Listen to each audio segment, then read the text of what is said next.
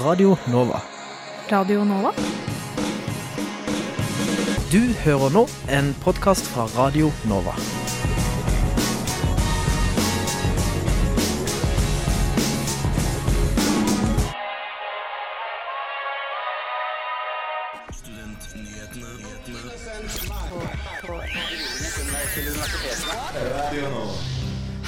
Velkommen til Studentnyhetene her på Radio Nova. Her i studio så har du meg, Elise Kubre, og med meg har jeg Louise Krüger. Og vi skal ha om disse sakene i dagens sending. Masterstudent utfordrer norske bedrifter til å gi studenter jobb tidligere. Vi har besøkt studenten Katrine Hogganvik, som bor på Seniorsenter. Vi skal gi dere en rask innføring i avkolonisering av akademiedebatten. Vi i studio skal bli utfordret med en quiz. Og vi skal diskutere noen av ukas mest debatterte emner. Nå skal du få høre ukens nyhetsoppdatering.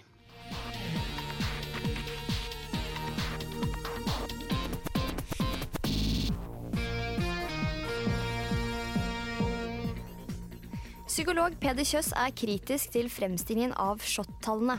Tallene fra Studentenes helse- og trivselsundersøkelse, SHoT, ble, publisert tidligere i år. Peder Kjøss, kjent fra serien Jeg mot meg, er kritisk til undersøkelsen. Å hevde at hver fjerde student sliter psykisk er meningsløst, mener Kjøss, som sier at dette flater ut begrepet totalt. Psykologen mener også at økt åpenhet rundt psykisk helse kan bidra til at flere rapporterer psykiske plager, og at man skal være forsiktig med å sykeliggjøre naturlige aspekter ved å være menneske. UiO vil endre opptakskriteriene for medisinstudiet. Det medisinske fakultetet ved Universitetet i Oslo vil endre opptakskriteriene på medisin, og ikke bare basere inntaket på skolekarakterer. I dag er det karakterer alene som avgjør hvem som kommer inn på medisin, men nå vil UiO at karakterer og en egenhetstest skal bestemme inntaket. De mener bl.a. at studentenes evne til kritisk tenking og mellommenneskelig forståelse skal testes, og at dette vil skille studentene fra hverandre. Studentparlamentet vil ha studenter over fattigdomsgrensen. I UiOs årlige handlingsplanseminar ble det bestemt at studentparlamentet skal jobbe mot økning av studiestøtten, og målet er at studiestøtten skal bli høyere enn fattigdomsgrensen, som i Norge ligger på litt over 240 000 kroner i året. Det var ukas nyhetsoppdatering. Mitt navn er Louise Krüger. Radio Nova er best. Alle andre er tapere. Radio Nova. Og en del studenter kan slite med å få seg jobb som følge av manglende arbeidserfaring. Er dette da noe bedriftene kan gjøre noe med? Her sitter jeg og jobber med masteren. Eh, blir det sene kvelder og lange dager. Marte Vassbotn er 24 år og studerer for tida til en mastergrad i medievitenskap på Universitetet i Oslo. I tillegg til studiene jobber hun som digital kommunikasjonskonsulent i Tine. Eh, først så begynte jeg egentlig på en smykkebutikk som, eh, for å få litt inntekt. Eh, og så kort tid etterpå så, så jeg en annonse på Facebook, hvor jeg så Hammer og Hamburg søkte etter en person til en 20-40% stilling i Tine. Og så la jeg vel bare inn en søknad. Og så gikk det ganske fort før de ringte meg, og det var jobbintervju da. Hvor relevant er denne jobben for utdanningen din? Eh, Den er veldig, er veldig relevant, og jeg får jo prøve meg på andre typer arbeidsoppgaver også. Jeg blir litt sånn potet, kan du si, i avdelingen. Så jeg hjelper til på andre prosjekter hvis det også trengs. Det betyr jo alt når man eh, skal ut og søke jobb, og de fleste jobber krever tre til fem års erfaring og sånne type ting. Så hjelper det i hvert fall at man skiller seg litt ut blant andre eh, nyutdannede. da. Syns du flere studenter burde fått samme mulighet som deg? Jeg tror absolutt det hadde vært eh, fint for andre studenter, men det krever jo litt altså, at bransjen da åpner opp for å kunne bruke studenter. Og det er jo mye sånn man kanskje outsourcer til byrået i stedet for det. På skolebenken så har det jo en tendens til å bli veldig teoretisk, selv om man har diskusjoner og diskuterer praktiske eksempler og sånne type ting, så er det noe annet å få prøve seg i en kommunikasjonsavdelingen. Selv om man kanskje ikke får prøve seg på de aller tøffeste oppgavene alltid, så får man på en måte mer innblikk på hvordan det fungerer. Da. Hva kan gjøres for at flere studenter får relevant jobb? Da må det nok bli eh, en endring i bransjen på hvordan man bruker studenter. Eh, man trenger da at flere bedrifter åpner opp for muligheten til 20-40% stillinger. I stedet for å kanskje outsource da, til byråer og sånne type ting. Hva tjener bedriftene på dette? De tjener jo på da, at man får ivrige studenter som har lyst til å ta et tak. Og i tillegg så vil jeg påstå at det er mye billigere enn å bruke byrå. Er det jo selvsagt eh, veldig positivt for den studenten som får jobben. Hvorfor er det så viktig at flere studenter får relevant arbeidserfaring? Det er viktig for å få studenter ut i, uh, ut i arbeid. Det å ikke ha relevant arbeidserfaring og skulle søke på disse jobbene som krever tre til fem års erfaring, det er veldig tøft. Og mange må gjennom hundrevis av jobbannonser for i det hele tatt klare å finne noe som kan være passende. Da. Så jeg vet jo om mange som bruker lang tid på i det hele tatt komme på første intervju. Og det er jo synd. Jeg bare håper at bedrifter kan eh, være mer åpne til muligheten av bruk av studenter, og skjønne det at eh, studenter er en viktig arbeidskraft. Og det er ikke alltid det handler om hvor mange år man har med arbeidserfaring, men også litt på innsats og vilje. Ja, det sa masterstudent ved UiO Marte Bassbotten. Reportere i saken var Julie Byberg Bø og Ingar Jakob Feiring. Etter inspirasjon fra Nederland har Oslo kommune satt i gang et prosjekt hvor studenter får flytte inn på gamlehjem. Men hvordan funker egentlig det? Vi har møtt Katrine Hogganvik, som har flyttet inn på seniorsenter på Vestre Aker. I en periode når vi flytta inn, så var vi litt redd for at kanskje de kom og banka på hele tida. At de ikke liksom er fikk ha min leilighet i fred, men det er ytterst sjelden. Så hvis jeg er i leiligheten min, så er det ikke ofte folk kommer og banker på. Men hvis de gjør det, så er det jo bare koselig, f.eks. hvis de trenger hjelp med telefonen sin. Katrine har bodd på seniorhuset siden februar. Her får hun bo til nesten halvert leie mot at hun hjelper til med de eldre i 30 timer hver måned. Selv om prosjektet ble inspirert fra Nederland, så ligner det ikke helt. I Norge er man nødt til å være ansatt og kan ikke jobbe som frivillig. Siden Katrine jobber som ansatt, så tjener hun lønn for arbeidet, og disse pengene hjelper til å betale for en del av leien.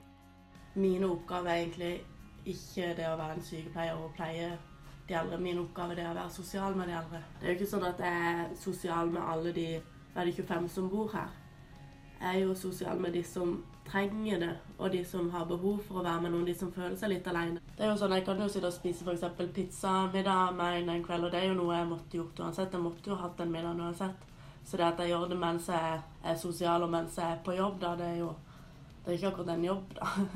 Ellers så er det jeg sykler litt med og går tur med. og Sånn som f.eks. når det var Eminem på Voldsløkka. Så satt vi da ute i hagen og spiste chips og hørte på konsert. Selv om ingen av oss var så interessert i det, så var det veldig koselig. Så jeg liksom, De gjør alt mulig.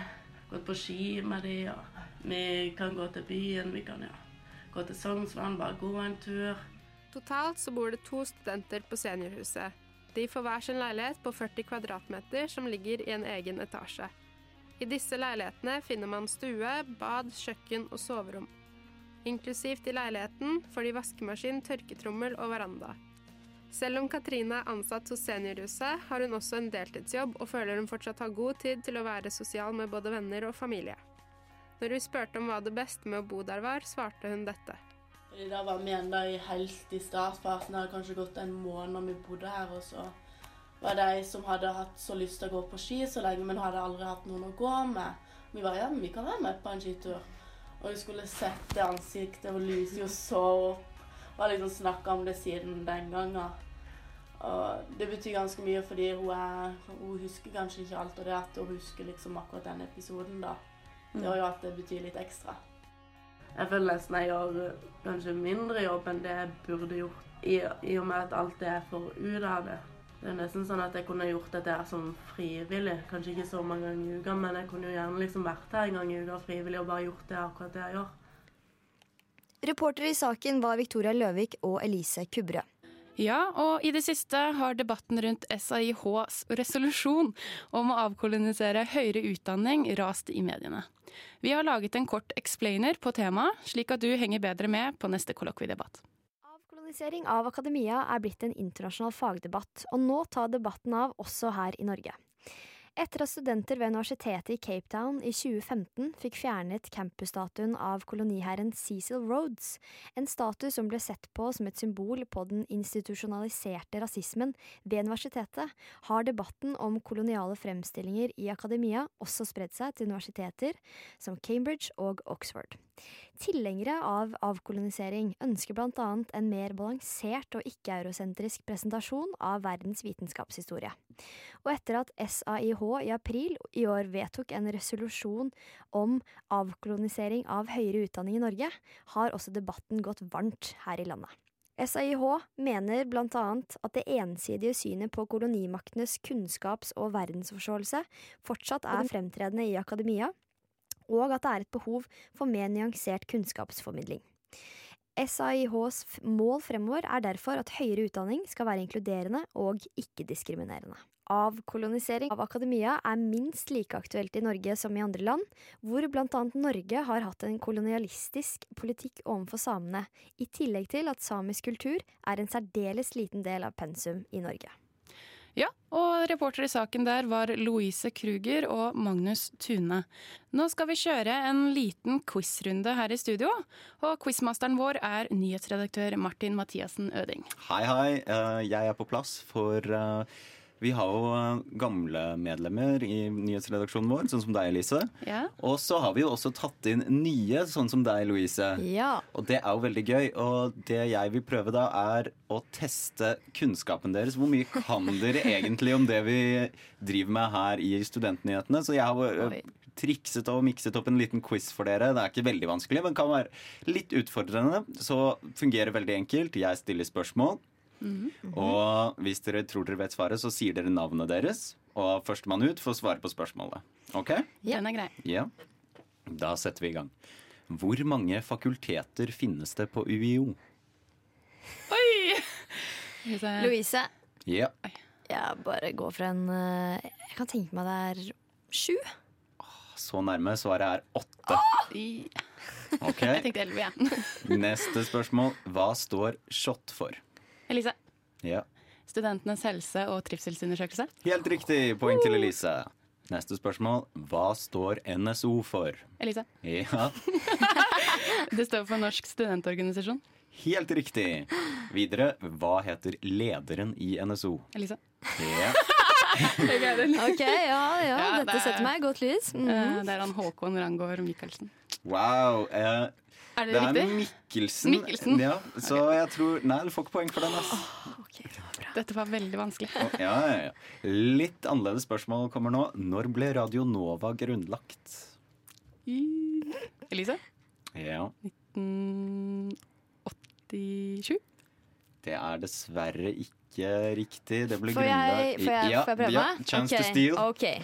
Det var i 1971. Dessverre ingen av dere som hadde riktig. Det var i 1950 under navnet Oslo-studentenes radioklubb. Stemmer det at eh, det er en av de eldste foreningene? Helt riktig. Hva heter lederen for studentparlamentet? Mm. Oi! uh, og, og, og, ja, Elise. Ja. Nei, det er ikke Andrea Bis Biseth Mikkelsen? Nei, nei, ok.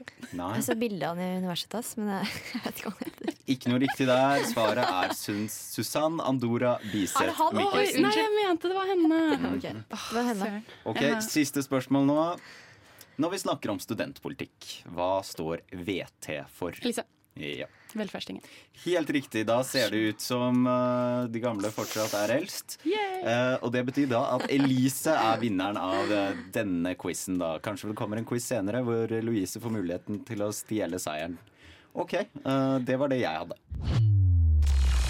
Jeg har egentlig sagt det, men jeg kan si det en gang til. Radio Nova. DAB og nettradio. På radionova.no. Jeg har egentlig sagt det, men jeg kan si det en gang til. Radio Nova.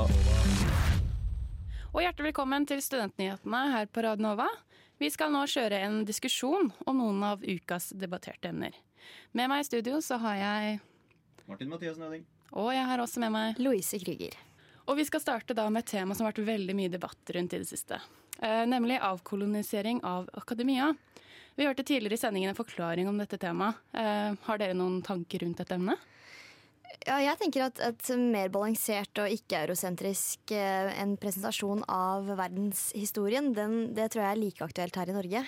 Eh, Og, og, det som er noe av kritikken, er jo det at, eh, at det her avkoloniseringsbegrepet kommer fra en, et politisk og historisk uh, kontekst som skiller seg fra den norske. Men, eh, men det er jo uenig i jeg, da, i hvert fall.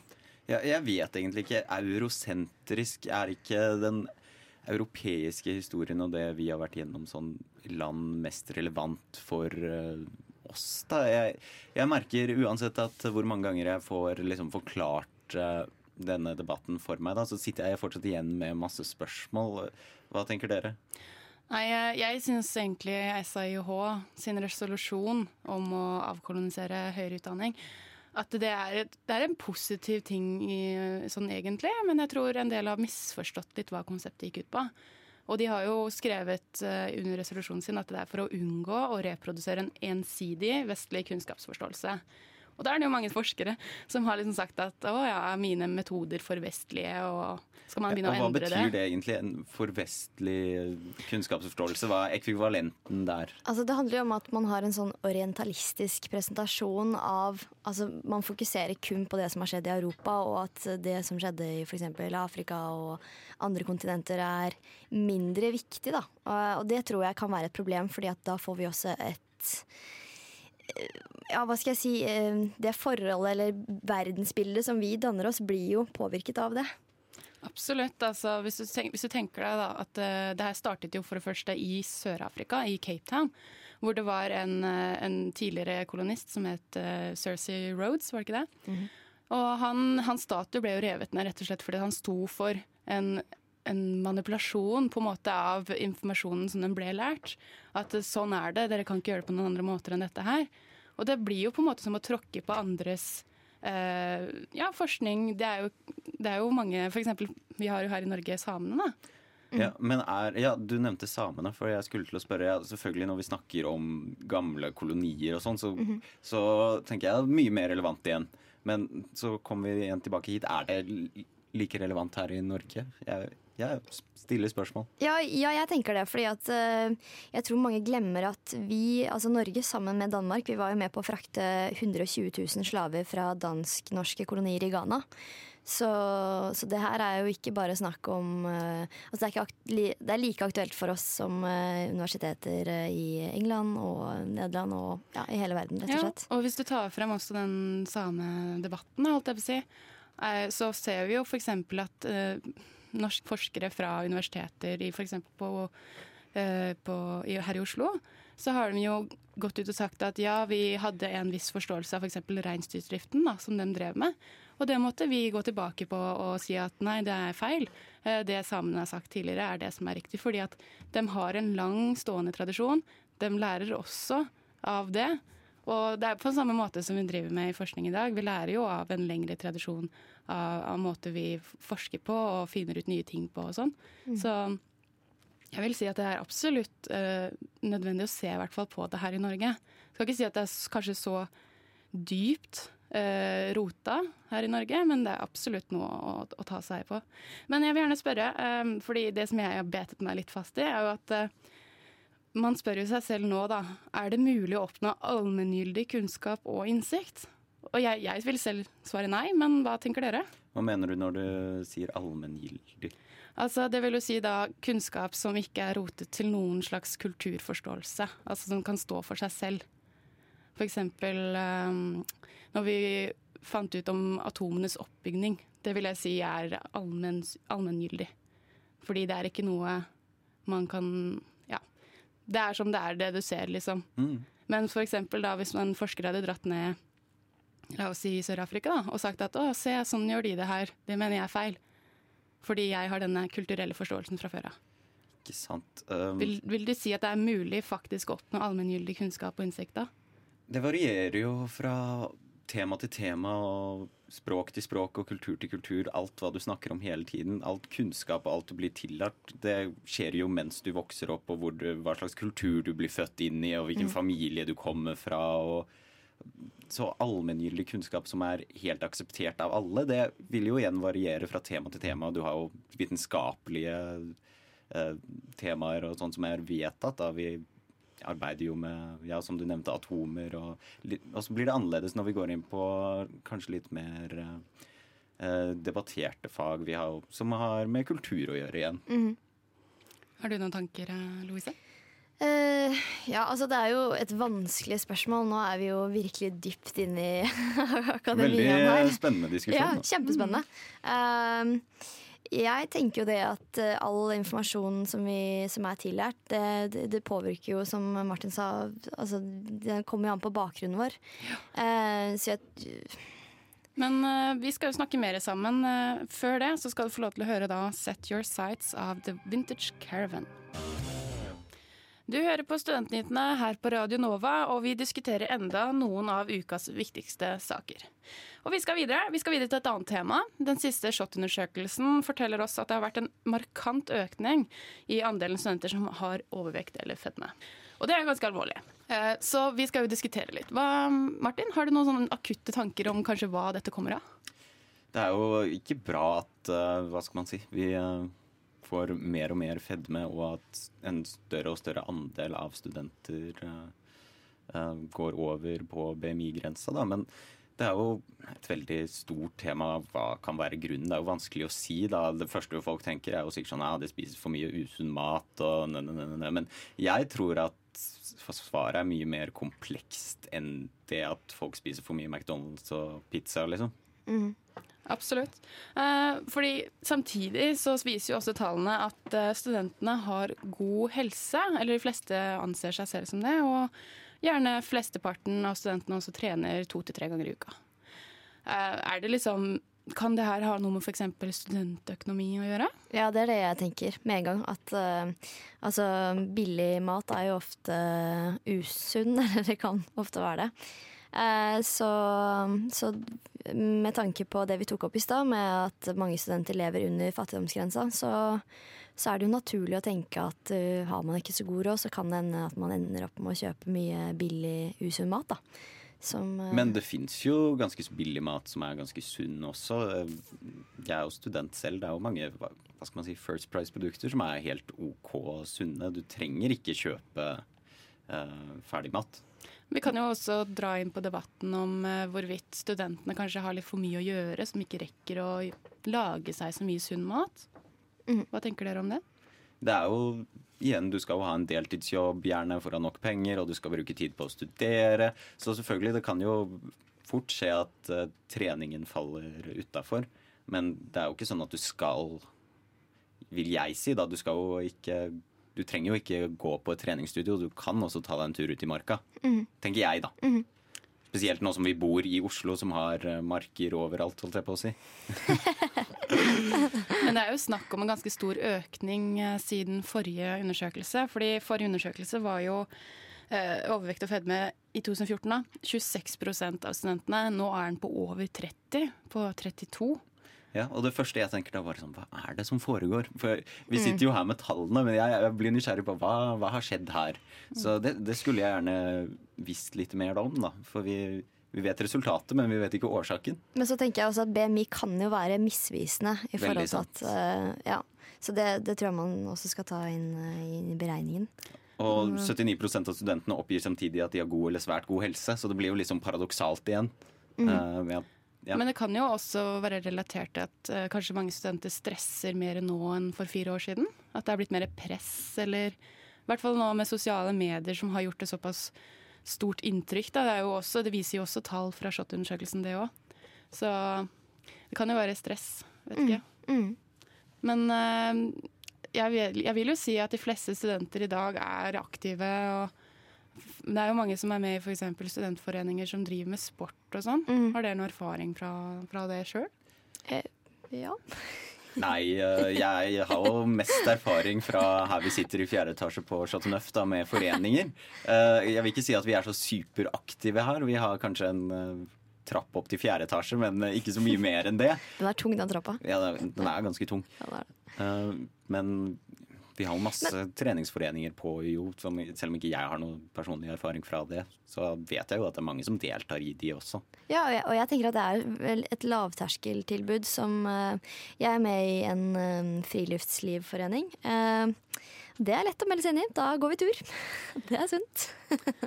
Det var studentnyhetene denne fredagen. Supert om du følger oss på sosiale medier. Vi er både på Facebook, Twitter og Instagram. Sendingene våre blir lagt ut på podkast, så gjerne lytt til dem der du hører dine podkaster. Mitt navn er Elise Kubre, og med meg hadde jeg Louise Krüger. Nyhetsredaktør og quizansvarlig var Martin Mathiassen Øding, mens tekniker var Celine Stensrud. Du har hørt en podkast fra Radio Nova. Likte du det du hørte? Du finner flere podkaster i iTunes og på våre hjemmesider radionova.no.